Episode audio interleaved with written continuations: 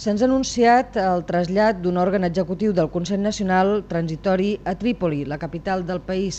És una presa de poder gradual que intenten escenificar, en part eh, per qüestions pràctiques perquè en certa manera cal coordinar els moviments de les milícies i augmentar així la seva efectivitat però sí que també és un nou gest d'afirmació per demostrar que tenen la batalla guanyada, que mica en mica li van robant a Gaddafi tots els seus símbols de poder. De fet, el trasllat s'havia anunciat per dissabte i s'hauria avançat unes hores. Podrem comprovar de seguida si realment això representa algun canvi visible. Mentrestant, eh, continua l'ofensiva sobre Sirte. És la peça que li proporciona l'esperança i el suport que Gaddafi té encara per poder remuntar la situació.